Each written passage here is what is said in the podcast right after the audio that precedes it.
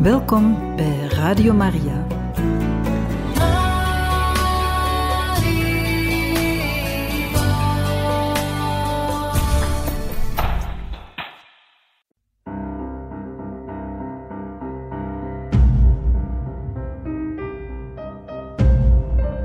Het woord spreekt. Een programma van Radio Maria.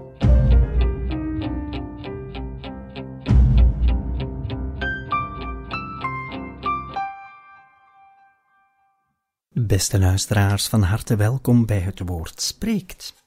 In onze bespreking van de handelingen van de apostelen zijn we gekomen aan hoofdstuk 7, vers 44. Onze vaderen hadden in de woestijn de tent der getuigenis. Die was gemaakt volgens de opdracht van degene die tot Mozes gesproken heeft, naar het model dat hij had gezien.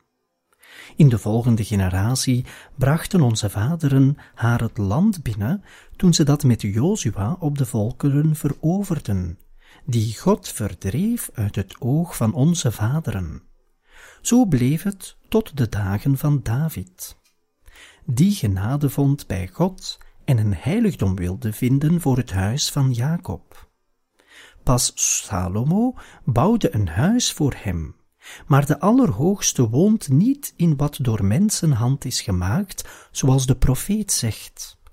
De hemel is mijn troon en de aarde een voetbank voor mijn voeten.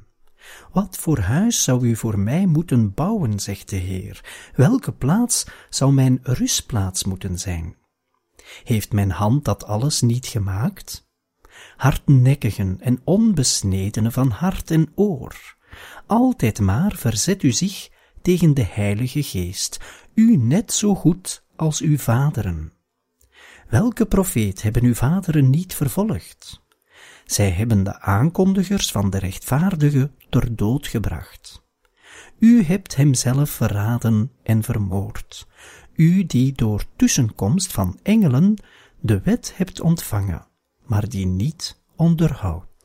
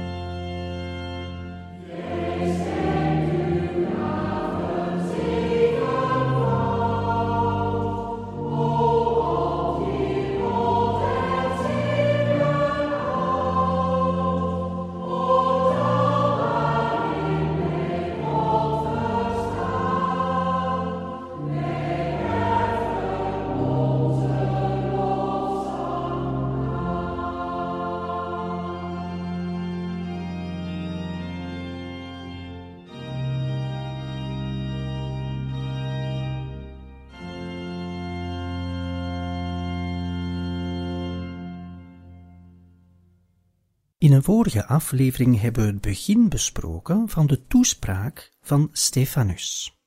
Stefanus staat voor het Sanhedrin, want hij legt getuigenis af van Jezus en hij wordt daardoor veroordeeld.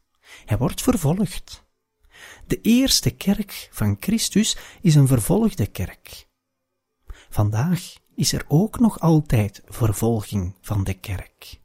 Vervolging van de waarheid die verteld wordt door Jezus Christus. Meer nog, voor de waarheid die Jezus zelf is.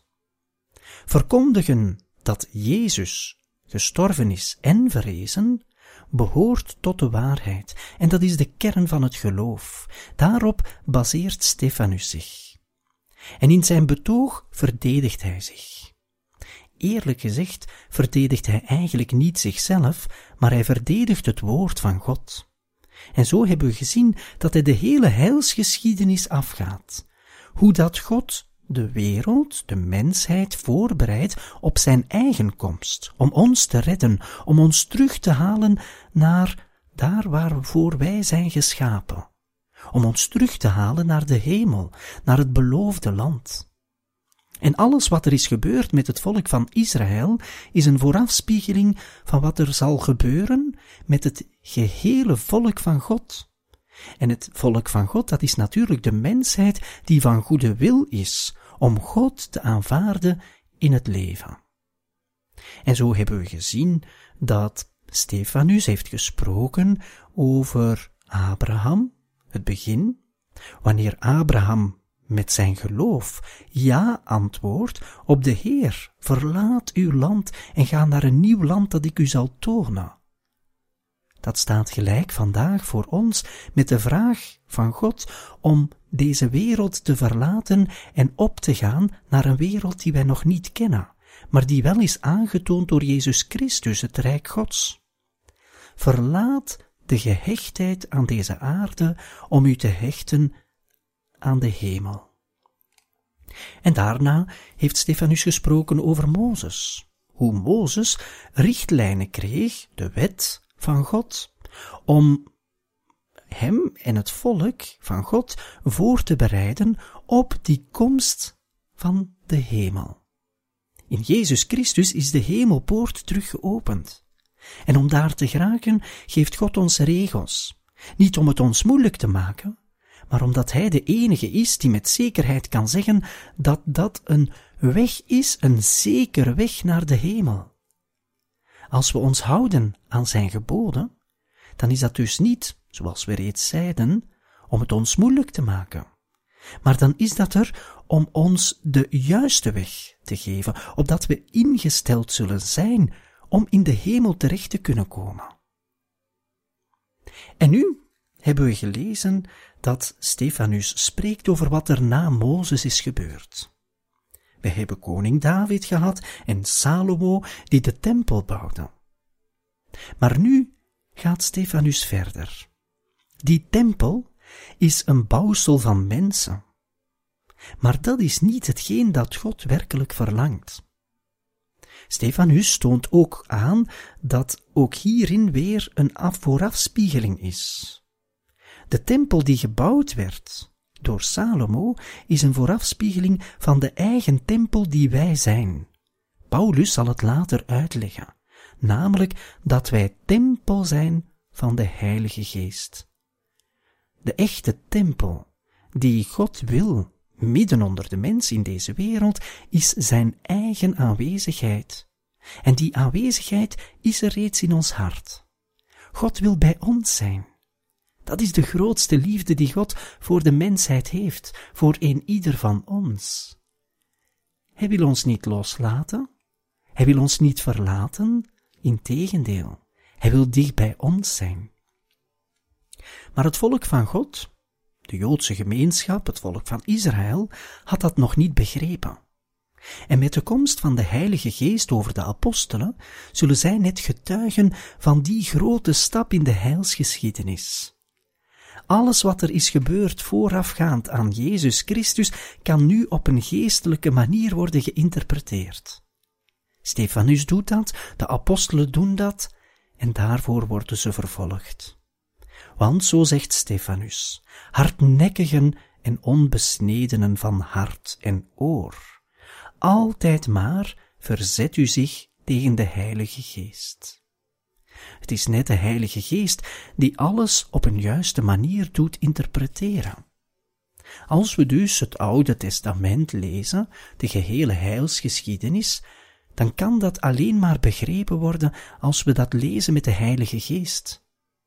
Er zijn velen die de Heilige Schrift wel eens lezen, maar die doen dat alleen met de ogen van mensen. Die zien erin een verhaal van de geschiedenis. Die zien erin een verhaal over oorlogen en geweld. Maar de Heilige Geest helpt ons om dat allemaal te kaderen. En om dat allemaal te begrijpen en te interpreteren als ook een geestelijk verhaal dat onszelf vandaag nog altijd doet groeien naar God toe. Dat ons doet groeien om de hemel te bereiken. Wij moeten de Heilige Schrift dus niet alleen zien als een geschiedkundig boek, maar als een boek van waarheid voor ons geestelijke leven. Een heel eenvoudig voorbeeld.